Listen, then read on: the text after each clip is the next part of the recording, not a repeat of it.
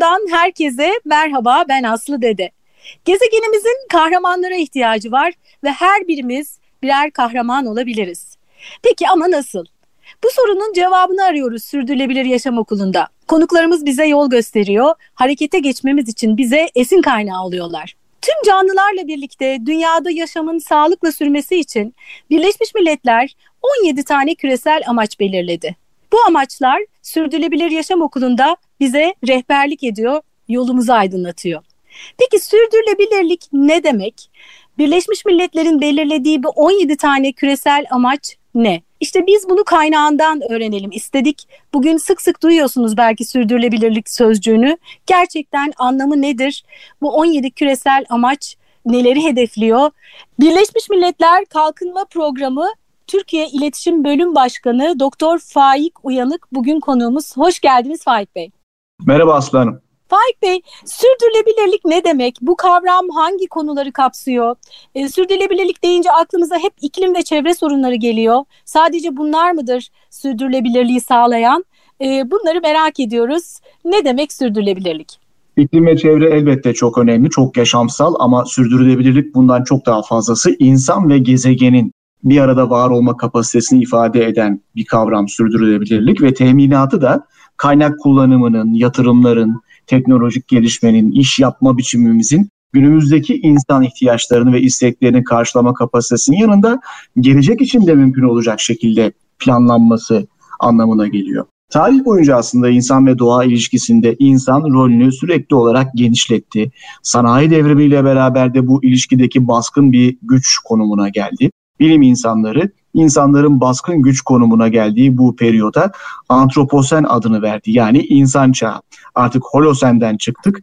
İnsanın baskın olduğu e, döneme antroposene girdik. Son 250-300 yıla ait olan bir gelişme bu. Üretim mekanizmalarının fosil kaynaklara ve yoğun kaynak kullanımına bağımlı olması iklim değişikliğine yol açtı. Biyoçeşitlilikte çöküşe neden oldu. Örneğin 1970 yılından bu yana gezegenimizdeki yaban hayatının %70'ini kaybetmiş durumdayız şu ana kadar. Bu çok ciddi bir kayıp tabii. Bu yüzden pek çok bilim insanı yeni bir türlerin kitlesel yok oluşu olayının başlangıcında olduğumuzu savunuyor. Bu tarihte 6. kez gerçekleşecek. Umarız olmaz ama bu felaketin sorumlusu da ilk kez bir canlı türü yani insan olacak. Kendi sonunu hazırlayan bir canlı türüyle karşı karşıyayız. Bu açıdan da bir ilk. İnsanlık olarak biz bindiğimiz dalı çok açık bir şekilde kestik şu ana kadar. Bugün geldiğimiz noktada bu türden bir büyümenin bizi yıkıma götüreceği gerçeğiyle karşılaştık. Fosil yakıtlara dayalı, kömüre, petrole, doğalgaza dayalı ve sürekli büyümeye dayalı ne pahasına olursa olsun e, büyümeye dayalı hani gezegenimiz pahasına doğamız pahasına ayağımızın altındaki toprak soluduğumuz hava pahasına büyümenin bizi yıkıma götüreceği gerçeğiyle yüzleşmiş durumdayız. Şimdi sürdürülebilirliğe geri dönecek olursak da bugünün sorunlarını çözmek için siz de bahsettiniz 17 temel konuda yoğunlaşıyor sürdürülebilir kalkınma amaçları ve bunların hepsi de birbiriyle bağlantılı. Yani bir e, amaca ulaşmak için diğer 16 amaca muhakkak bakmanız ve onlarda da ilerleme kaydetmeniz gerekiyor. Bu konularda elde edilecek olan başarıyla dünyada yoksulluğu tamamen ortadan kaldırmak da mümkün. Gezegenimizi korumak da mümkün. Tüm insanların barış ve refah içinde yaşamasını sağlama hedefine ulaştırmak da mümkün gezegenimizi ve insanları ama samimi bir şekilde çalışmaya hemen başlamamız gerekiyor vakit kaybetmeden. Peki Faik Bey, e, sürdürülebilir kalkınma için küresel amaçlar ne zaman nasıl belirlendi? Şimdi sürdürülebilir kalkınma amaçları 2000-2015 yılları arasında yürütülen Birleşmiş Milletler Bin Yıl Kalkınma Hedeflerinden sonraki dönemi ifade eden bir gündem. 15 yıllık bir kalkınma gündemimiz oldu bu bin yılın başında. Bu şimdi ikincisi 2015'te 2030 yılları arasını kapsıyor. Bin yıl kalkınma hedeflerinin uygulanmasıyla Sahra Altı Afrika'da mesela yoksulluk yarı yarıya azaltılmıştı o dönemde. Okula kaydolan kız çocuklarının oranı ciddi oranda arttı. Anne çocuk sağlığı alanında ciddi ilerlemeler kaydettik dünya çapında.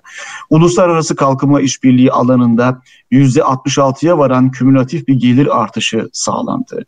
İşte küresel ölçekte çok büyük başarılara ön ayak oldu bugünden. Bin yıl kalkınma hedefleri, BKH ya da Millennium Development Goals dediğimiz, Millennium kalkınma hedefleri dediğimiz o dönem.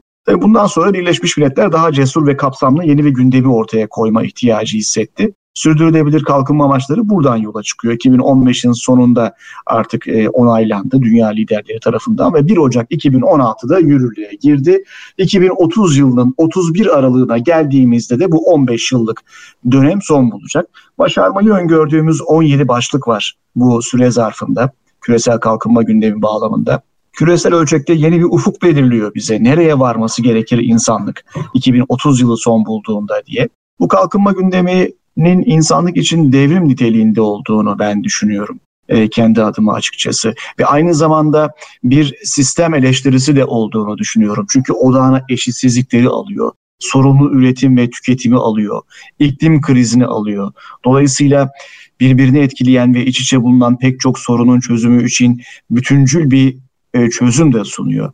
Yani sorunlarını, hastalığını, e, problemini net bir şekilde ve çok eleştirel bir biçimde ortaya koyan bir gündem olması bakımından çok çok kıymetli. Düşünün dünyanın 190 küsür ülkesinin lideri altına imza atıyor. Bunun altında Kuzey Kore var, Amerika var, İran var, Brezilya var, Çin var, Türkiye var. Hani birbirine benzemeyen türlü çeşitli ülkeler, sistemler var.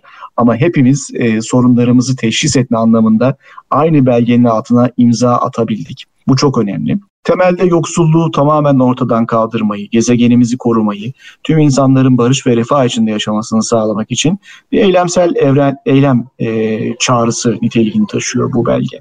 Sürdürülebilir kalkınma amaçları, bu 17 amaç gelecek nesiller için e, yaşamı sürdürülebilir bir biçimde iyileştirme konusunda bugünden doğru seçimleri yapacak şekilde ortaklık ve pragmatizm ruhuyla yürümekte.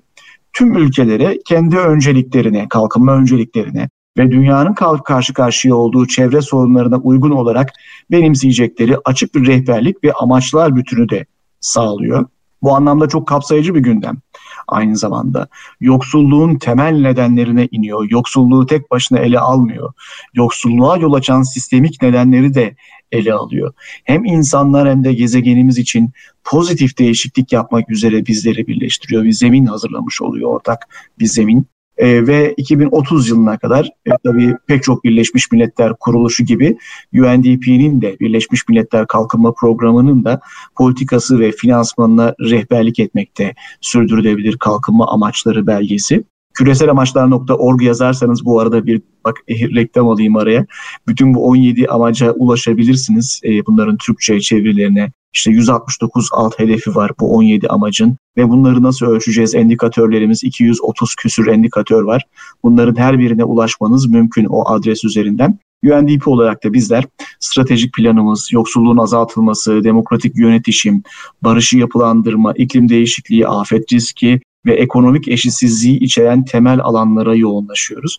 Bunun için de işte hükümetlerin küresel amaçları kendi ulusal kalkınma planlarına, politikalarına entegre etmesine destek veriyoruz. E, Faik Bey, e, devletler başta olmak üzere Birleşmiş Milletler davet etti. Hem iş dünyasını hem sivil toplum kuruluşlarını, yerel yönetimleri ve bireyleri. E, şimdi küresel amaçlar denince bireylerin çok üstünde böyle büyük kurumların gerçekleştirebileceği büyük amaçlarmış gibi e, algılanıyor. Bizler bireyler olarak ne yapabiliriz? Yani bir birey e, küresel amaçlar beni neden ilgilendirsin ki ben ne yapabilirim ki e, dediğinde bunun cevabı ne olabilir? Çok doğru bu soruyu sorması insanların çok da normal aynı zamanda. Bu kadar büyük büyük sorunları tek bir birey nasıl çözecek? Ama şunu unutmayalım ki değişim tek bir bireyin karar alma mekanizmalarında ve hayatını değiştirmesinde yatıyor. Kendi hayatını dönüştüremeyen bir bireyin e, içinde bulunduğu kurumları, sistemi, hele hele dünyayı dönüştürmesini beklemek çok e, gerçekçi olmaz. Hatta eleştirmesi, eleştirme hakkını da kendini bulamayabilir. Kendini dönüştürmeyen, kendi alışkanlıklarını değiştirmeyen bir insan e, başkalarının ya da sistemin dönüşmesini beklerken ne kadar samimi olabilir? E, bunlar ortaya koyduğum e, sorular olsun bu sorunun cevabında. Herkesin kendine sorması gereken. Dünyada uzun yıllardır var olan ve giderek de şiddetlenen sorunlar artık herkesi etkiliyor. Hepimiz bunları etkileniyoruz, payımızı alıyoruz. Tüm insanlığı ilgilendiren bir sorunlar yumağıyla karşı karşıyayız. Herkesin üstüne düşen görevler kesinlikle var. Devletler şimdi sürdürülebilir kalkınma amaçlarını yönetim planlarına dahil edecekler elbette. Yönetimlerinde bu amaçları dikkate alacaklar. Buna göre düzenlemeler oluşturacaklar, kaynaklarını ortaya koyacaklar ve sürdürülebilirliği de kapsayacak şekilde bu kaynakları kullanacaklar. Kullanmalarını umuyoruz diyelim daha doğrusu. Sürdürülebilirlikte yol kat etmek için de sadece merkezi yönetimlerin harekete geçmesi e, tek başına maalesef asla yeterli olmayacak. Yerel yönetimler, STK'lar ve toplumun diğer aktörleri de bu hareketin içine dahil olmak zorunda. Yoksa başarı gerçekten çok zor toplumu bilinçlendirmek, yerel düzeyde geniş katılımlı başarılar elde etmek için yerel yönetimlerin, STK'ların desteği gerçekten çok kıymetli. Yerel düzeyde eyleme geçmemiz gerekiyor ve bu eyleme geçiş biçiminde de kapsayıcı olmak lazım. Yani STK'lar da yerel yönetimlerde tek tek bireyleri mümkün olduğunca karar almaya ve eyleme dahil etmeliler. E, kimi zaman merkezi yönetimlerden daha geniş vizyonlar ortaya koyabiliyorlar yerel yönetimler. E, hem Türkiye'de hem dünyada, dünyanın her yerinde küresel amaçlara ulaşmak yolunda önemli adımlar atıyorlar. STK'lar da bireyleri bilinçlendirmede, harekete geçirmede önemli bir katalizör görevi görüyorlar. Özellikle de bu bilincin, farkındalığın ortaya çıkması ve eyleme dönüşmesi, bireysel eyleme dönüşmesi anlamında STK'ların rolü çok çok kıymetli. Üretim ve tüketime bakalım. Bu 17 amaçtan biri sorumlu üretim, tüketim e, ee, SKA'lar için çok önemli. Sürdürülebilir kalkınma amaçları için çok önemli. Bu yüzden iş dünyasının katılımı şart. Çünkü üretim ve tüketim dediğimizde büyük ölçüde özel sektörün rolü burada hayati. Toplum içinde yaşanan değişimleri en çabuk gözlemleme olanağı bulunan, e, işte dinamik bir şekilde karar alabilen, bu kararları uygulamak için gereken kaynaklara sahip olan ve karar alıcı mekanizmaları da en seri şekilde harekete geçirebilecek unsur iş dünyası özellikle Türkiye gibi ülkelerde özel sektörün çok canlı olduğu ülkelerde bu sorunların herkesi harekete geçirmesiyle giderilmesi dünya kamuoyundaki her bir bireye katkı sağlayacak. Bu da birkaç cümleyle aslında sürdürülebilir kalkınmada özel sektörün rolü diyebiliriz az önce söylediğim e, bu e, unsurlara. Tabii temel olarak şunu yapmamız gerekiyor. E, sosyal normlarımızı ve değerlerimizi gözden geçirmemiz gerekiyor normal kabul ettiğimiz pek çok şeyin aslında normal olmadığını anlamamız gerekiyor. Başta da eşitsizlik. Ee, bir insan diğerine göre niye geride bırakılıyor bu dünyada sürekli olarak? Her boyutta kadın, erkek, genç, yaşlı, engelli, engelsiz, şurada yaşayan, burada yaşayan kimseyi geride bırakmadan bu ilerlemeyi sağlamamız lazım. İş dünyası da toplumların normlarını yönlendirme konusunda oldukça yetenekli. E, pek çok davranışımızı aslında onlar şekillendiriyorlar. Yeni alışkanlık ve değerler saptama konusunda iş dünyasının desteği e, çok e, önemli. Karlılığı artırırken aynı zamanda gezegensel denge ve sürdürülebilirliğe daha da ağırlık veren yeni normlar oluşturması gerekiyor iş dünyasının. Yani şunu bilmesi lazım. E, bunu yapmak için, sürdürülebilirliğe yatırım yapmak için e, para kazanmaktan vazgeçmesi gerekmiyor aslında özel sektörün. İkisini birden dengelemesi de mümkün. Ya o değerler zincirini o şekilde kurması mümkün. Dünyadaki sorunları çözmek için hükümetleri, özel sektör temsilcilerini büyük değişimleri ayak uydurma konusunda ikna etmek çok önemli ama tabii yeterli değil başta söylediğim gibi. Çözümler için tasarladığımız taahhütler yasalarda yer alsa bile bunların uygulanmasının teminatı yine eğitimli ve güçlü bireylerde yatıyor güçlü bireyler içinde bulunduğumuz krizin aşılabilecek bir sorun olduğunu, bir araya gelmemiz gerektiğini herkese anlatmalılar. Yani bilenler bilmeyenlere anlatmalı içinde bulunduğumuz acil durumu eyleme geçilmesi için, değişim için de e, bu anlamda tabandan yukarıya doğru tırmanan bir hareketin meydana gelmesi şart. Faik Bey biz daha önce sizinle yine Karnaval podcastlerimizden Yeşil Çocuk için e, bir e, podcast yapmıştık ve orada çocuklar için yapılan çalışmalardan da söz etmiştik. E, yine e, bununla ilgili özel bir web sitesi de var. Çok da güzel bir kaynakça var orada. Merak edenler Yeşil Çocuk podcastleri içerisinde o podcast'i de detaylı e, dinleyebilirler. Çok e, güzel bir podcast. Da... Ben de tavsiye ederim. Bizi evet dinleyen. evet. Çok keyifliydi. Çok e, dolu dolu konuşmuştuk. E, çocuklarla ilgili de e, orada çok detaylı bilgi vermiştiniz. Peki şimdi ben e, küreselamaçlar.org e, adresine girdiğim zaman harekete geç e, linkini tıkladığımda tembel insanın dünyayı kurtarma rehberi diye bir e, bölümle karşılaşıyorum. E, bu benim için oldukça önemli. Aslında bu podcastleri yapmamdaki benim en temel sebeplerden biri bireyin farkındalığı. Yani hep böyle başkalarından beklemeyelim, biz harekete geçelim e, o kadar güzel anlatmış ki kanepede otururken yapabileceğiniz şeyler. Yani aslında kanepede otururken de dünyayı kurtarabileceğinizi e, biliyor musunuz? Evde yapabileceğiniz şeyler, ev dışında yapılabilecek şeyler, iş yerinde yapılabilecek şeyler. Yani aslında birey olarak da yapabileceğimiz pek çok şey var değil mi? Tabii tabii yani her bir eylemimizin e, o gözlüğü takarsak sürdürülebilir kalkınma amaçları gözlüğünü taktığımızda her bir eylemimizin dünya açısından bir sonucu var. Her bir kararımızın satın alma kararı olsun, evin içinde nasıl vakit geçirdiğimiz, ne yediğimiz, ne içtiğimiz, hangi cihazları kullandığımız, evimizi nasıl ısıttığımız, e, işimize nasıl gittiğimiz, e, arabamızın nasıl bir yakıt sarfiyatının olduğu, seçtiğimiz elektrikli cihazlar vesaire düşünecek olursak hepsinin aslında gezegensel sonuçları var. E, bunlara dikkat etmek çok önemli. O gözlüğü takmak çok önemli. E, biz ne yapabiliriz ki sorusu e, az önce de konuştuk ya. E, beni niye ilgilendiriyor bu küresel amaçlar? Konunun benimle ne alakası var? Niye bize bu sürdürülebilir yaşam okulu bunu anlatıyor diye soranlar açısından e, cevabı bu. Çok, çok kestirme cevabı bu. Maalesef gençler için biz güzel bir dünya yaratamadık. Onu itiraf etmemiz gerekiyor. E, güzel bir e, gelecek bırakamıyoruz. Önümüzdeki 60 sene içinde şu anda frene basmadığımız takdirde çok ciddi felaketlere gebe dünyamız, dünyanın her yeri, iklim felaketleri ki yaşamaya da başladık. Giderek de artıyor. Pek çok e, insan hayatın doğal seyri içinde e, bu sorunları gözden kaçırıyor. Bunları bunlara alışıyor görmezden geliyor ve en kötüsü de e, yaşadıklarımızı giderek normal kabul etmeye başlıyoruz. Anormal bir dünyanın içinde e, yaşananları normal kabul etmek kadar problematik bir şey olamaz. Şimdi gençlere dönelim. Tüm bu sorunları gözlemleyecek araçlara, gözlem yeteneğine sahipler. Çok eleştirel, çok eylemci, aktivist bir kuşak geliyor. Gençler ve çocuklar. Yaptıkları gözlemlerle bizim bu zamana kadar yaptığımız yanlışları görebileceklerine ben inanıyorum bu yanlışların sonuçlarından en çok etkilenenler onlar hali hazırda. Daha fazla etkilenecekler. Yani bir kuşak sonrası için, kuşaklar sonrasından bahsetmiyoruz.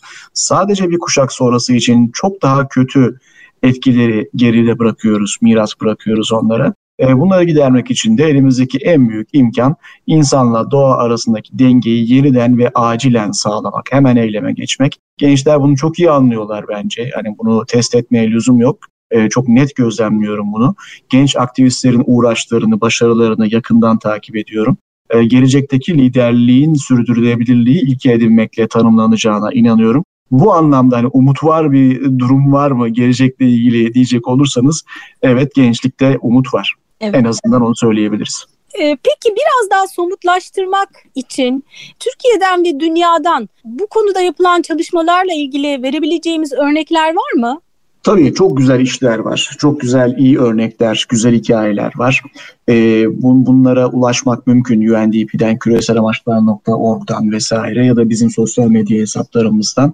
Ee, şimdi 2000-2015 yılları arasında uygulanan bin yıl kalkınma hedeflerinin sağladığı başarıları biraz örneklendirdim. Dünyanın neresinde neler elde edildi, yoksullukla mücadelede nereye geldik vesaire gibi çok ciddi başarılar elde edildi. Okula kaydolan kız çocuklarının sayısı, okula kayıt oranları, okula bitirme okulu bitirme oranları, yoksulluğun e, küreselde işte nereden nereye getirildiği 15 sene içinde e, iklim eylemiyle ilgili e, yapılanlar, çok kısıtlı da olsa ilerlemelerin kaydedilmiş olması, e, anne çocuk sağlığı konusundaki ilerlemeler, ortalama yaşam süresindeki artış vesaire bunlar kazanımlar cebimizdeydi. 2015'ten sonra e, işte 6 yılı yakın bir zamanı geride bıraktık. 2022'ye şimdi giriyoruz. 2015-20 arası ya da 2016-2020 arası da ciddi bir ilerleme sağladık sürdürülebilir kalkınma anlamında. Küresel yoksulluğun azaltılması, anne çocuk ölümlerinin iyileştirilmesi vesaire vesaire e, yeterli değil ama önemli ilerlemeleri kaydettik. İşte 2015'e geldiğimizde aşırı yoksul insan sayısı 741 milyondu dünya üzerinde. 2019'a pandeminin hemen öncesine geldiğimizde 645 milyona geriletmeyi başardık bunu. Yaklaşık 100 milyon kişiyi o aşırı yoksulluk girdabından, kıskacından kurtarmayı başardı hükümetler. Ama pandemi geldi. Bu sayı 120 milyona yakın tekrar arttı ve 2015'teki seviyenin de üzerine çıktı. 750 milyon e, seviyesinin üzerlerine çıkmış oldu. Bu pandeminin çok ciddi bir darbesi oldu küresel kalkınma çabalarına. Nitelikli eğitime bakalım. 2010-19 yılları arasında önemli gelişmeler olmuştu. İlkokulu tamamlama oranı %82'den 85'e çıktı. Ortaokulu tamamlama oranı 46'dan 53'e çıktı. Küresel ortalamayı söylüyorum. Birinci ve sekizinci sınıf arasında 101 milyon çocuksa pandemi geldi. Bu 101 milyon çocuk diğer bir deyişle bütün çocukların %9'u her 10 çocuktan biri de diyebiliriz asgari okuma yeterliliği seviyesinin altına düştü.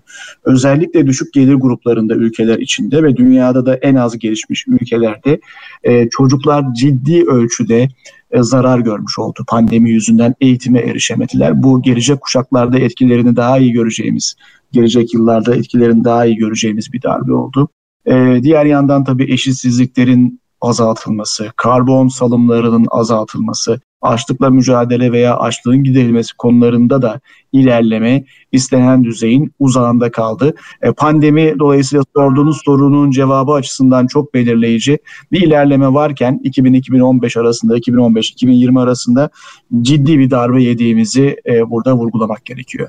Ama hani içinden pozitif bir taraf çıkaracaksak da farkındalığın bu konuda yükseldiğini e, söyleyebilir miyiz? Yani sürdürülebilirlik ben yıllardır e, radyo programlarında zaten bu konuyla ilgili içerikleri konuşuyorum. Ama son dönemde bir fark ettim ki e, çok daha fazla e, kişi bu konuya önem vermeye başladı. Özellikle özel sektörden bu konuya e, yatırım yapanlar, kendileri geliştirmek isteyenler olduğunu biliyorum. Yani farkındalığın yükselmesi açısından bir artısı var diyebilir miyiz? Orası muhakkak tabii. Bu, bunu talep etmesi, değişimi toplumun kendisinin talep etmesi, sürdürülebilir kararlara imza atılmasının talep edilmesi, işte insana dair, eşitsizliklere dair, yoksulluğa dair ilerlemeler bir tarafa, gezegene dair de ilerlemelerin sağlanmasının talep edilmesi çok çok kıymetli. Karar alıcılar üzerinde böyle bir baskı oluşturuluyor.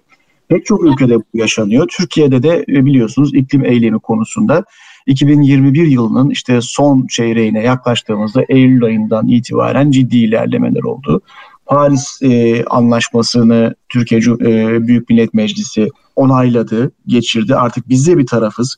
Bu sıfıra yarışta, sıfır emisyona yarışta Türkiye de o yarışın bir tarafı oldu. Bu başlı başına zaten çok ciddi bir ilerleme.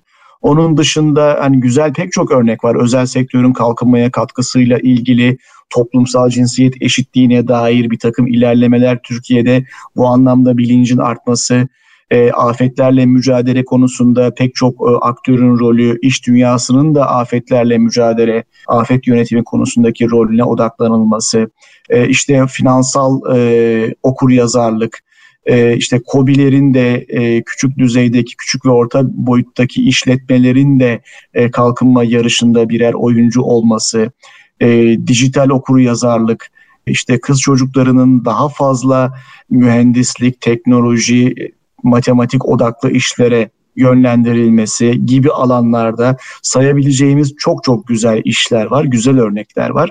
Tabii bu örneklerin sadece orada kalmaması, büyümesi de gerekiyor. Her yere yayılması ve politika e, önerilerine, sonuçlarına da dönüşmesi gerekiyor. Güzel örnekleri de atlamayalım tabii. Doğru söylüyorsun. Peki e, 2030'u hedefledi bu 17 tane amacı belirlerken Birleşmiş Milletler. Şimdi e, insanların aklına şöyle bir soru gelebilir. Neden 2030? Tabii belli bir tarih belirlenmesi gerekiyordu. Tahminen öngörülen bir tarih. Ama hani biz bunları yapmazsak e, ne olacak 2030'dan sonra ne öngörülüyor? Ya aslında tabii pandemi e, insanlarda şöyle bir his de e, getirdi. Her şeyimiz var ama evden çıkamıyoruz. e, yani o yüzden farklı bir farkındalık var. Ha, 2030 dünyanın sonu mu?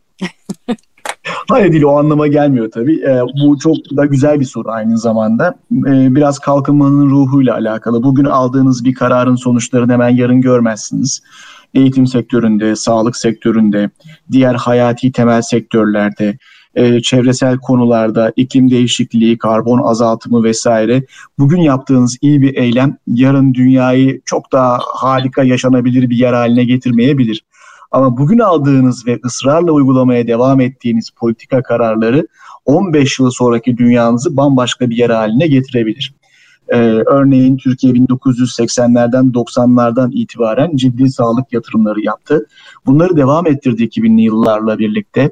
Ee, evrensel sağlık sigortasını tanıttı. Bir örnek vermemiz gerekirse. Ee, artık e, eskiden çok e, kısıtlı sayıda insanın sağlık sigortasına erişimi varken, sosyal güvenceye erişim varken bu arttı. Ve sonuç ne oldu? Türkiye'nin ortalama yaşam süresi yükseldi. Türkiye'de doğan bir bebeğin bugün e, yaşayacağı, yaşaması beklenen süre 60 yıl önceki bir insana göre çok daha fazla oldu. Bu nereye yansıyor? Türkiye'nin insani gelişme endeksi gibi diğer endekslerdeki performansına yansıyor. Cebimizdeki para, ne kadar süre eğitim gördüğümüz, ne kadar uzun süre yaşadığımız gibi göstergelerden oluşan endeksler ülkelerin kalkınma düzeylerini ölçmek için kullanılıyor ya e, bugün aldığınız bir kararın sonucu 10-15 sene sonra ortaya çıkacak. 2030'un da e, mantığı bu şekilde. 2000-2015 yılları arasında gördük ne kadar ciddi bir yarışa zemin hazırladığını özellikle en az gelişmiş ülkelerde. E, aynı şekilde 2015 yılından sonra da buna devam edelim dedik. Çünkü bu hoşumuza gitti. Böyle bir kıyaslama imkanı, ülkelerin performanslarını kendi aralarında kıyaslama imkanının ciddi sonuçları olduğunu gördük. E, bundan önce de bin yıl kalkınma hedefleri vardı. Orada da bunu yaşadık. E, yeni bir gündem oluşturuldu. E, eğer değişime hemen hız verirsek 2030 yılından sonra daha da parlak bir gündem oluşturabiliriz. Ben 2030 sonrasında da bu 15 yıllık küresel kalkınma gündemlerinin artık hayatımızda olacağına inanıyorum. Bir diğer başlıkta tabii 2053 Paris Anlaşması. Bütün dünyada net sıfıra ulaşmamızı hayal eden bir anlaşma. 2030 mesela o anlamda da e, Türkiye'nin bir vizyonu. 2030 yılına gelindiğinde e, eylem planlarını ciddi ölçüde harekete geçirmiş. Sıfır emisyon konusunda, net sıfır emisyon konusunda ciddi ilerlemeler kaydetmiş olmayı Türkiye amaçlıyor. 2053'e gelindiğinde de net sıfıra ulaşmayı amaçlıyor. Yani böyle vizyonları koymak e, küresel kalkınma çabalarında, sürdürülebilir kalkınma politika çabalarında o anlamda e, çok e, önemli. E, evet. Anlamı da bu. Yoksa 2030 dünyanın sorunu değil. Yani ilk numarası olmaz en azından. Biz yine de diyelim ki sabah uyandığınızdan akşam yatana kadar verdiğiniz kararlara dikkat edin. E, dikkat edin ki dünyanın sonu gelmesin diyelim yine. Eklemek çok istediğiniz doğru, başka... çok doğru. Eklemek istediğiniz başka bir şey var mı? Bu bölümümüzün sonuna geldik. Şimdi sizi takip edenler zaten e, yani sürdürülebilirlik konularını takip edenler onlara bunları söylemek ne kadar anlamlı bilmiyorum ama hep birlikte bu gözlüğü takmaya devam edelim. Kendimize de hatırlatmamızda fayda var. Çünkü e, bazen kaptırıp gidiyoruz o dediğim gibi normal kabul ettiğimiz gerçekleri e, gerçekten hayatın bir gerçeği normali gibi gördüğümüz anlar oluyor. Hayır bunlar normal değil. Bunlar değiştirilebilir durumlar. Değiştirilebilir sistemik gerçekler. Sürdürülebilir kalkınma amaçları gözüyle bakmaya devam edelim ve e, değişimin öncüsü, savunucusu olmaya devam edelim. Çok çok teşekkür ederim Faik Bey. Ben çok teşekkür ederim Aslanım. Kolay gelsin. Evet, Sürdürülebilir Yaşam Okulu'nda bir bölümün sonuna geldik. Bugün Birleşmiş Milletler Kalkınma Programı Türkiye İletişim Bölüm Başkanı Doktor Faik Uyanık konuğumuz oldu. Ee, ben Aslı Dede bir sonraki bölümde buluşmak üzere demeden önce başta ne söylemiştik? Tüm canlılarla birlikte dünyada yaşamın sağlıkla sürmesi için gezegenimizin kahramanlara ihtiyacı var ve o kahraman sen olabilirsin. Harekete geç.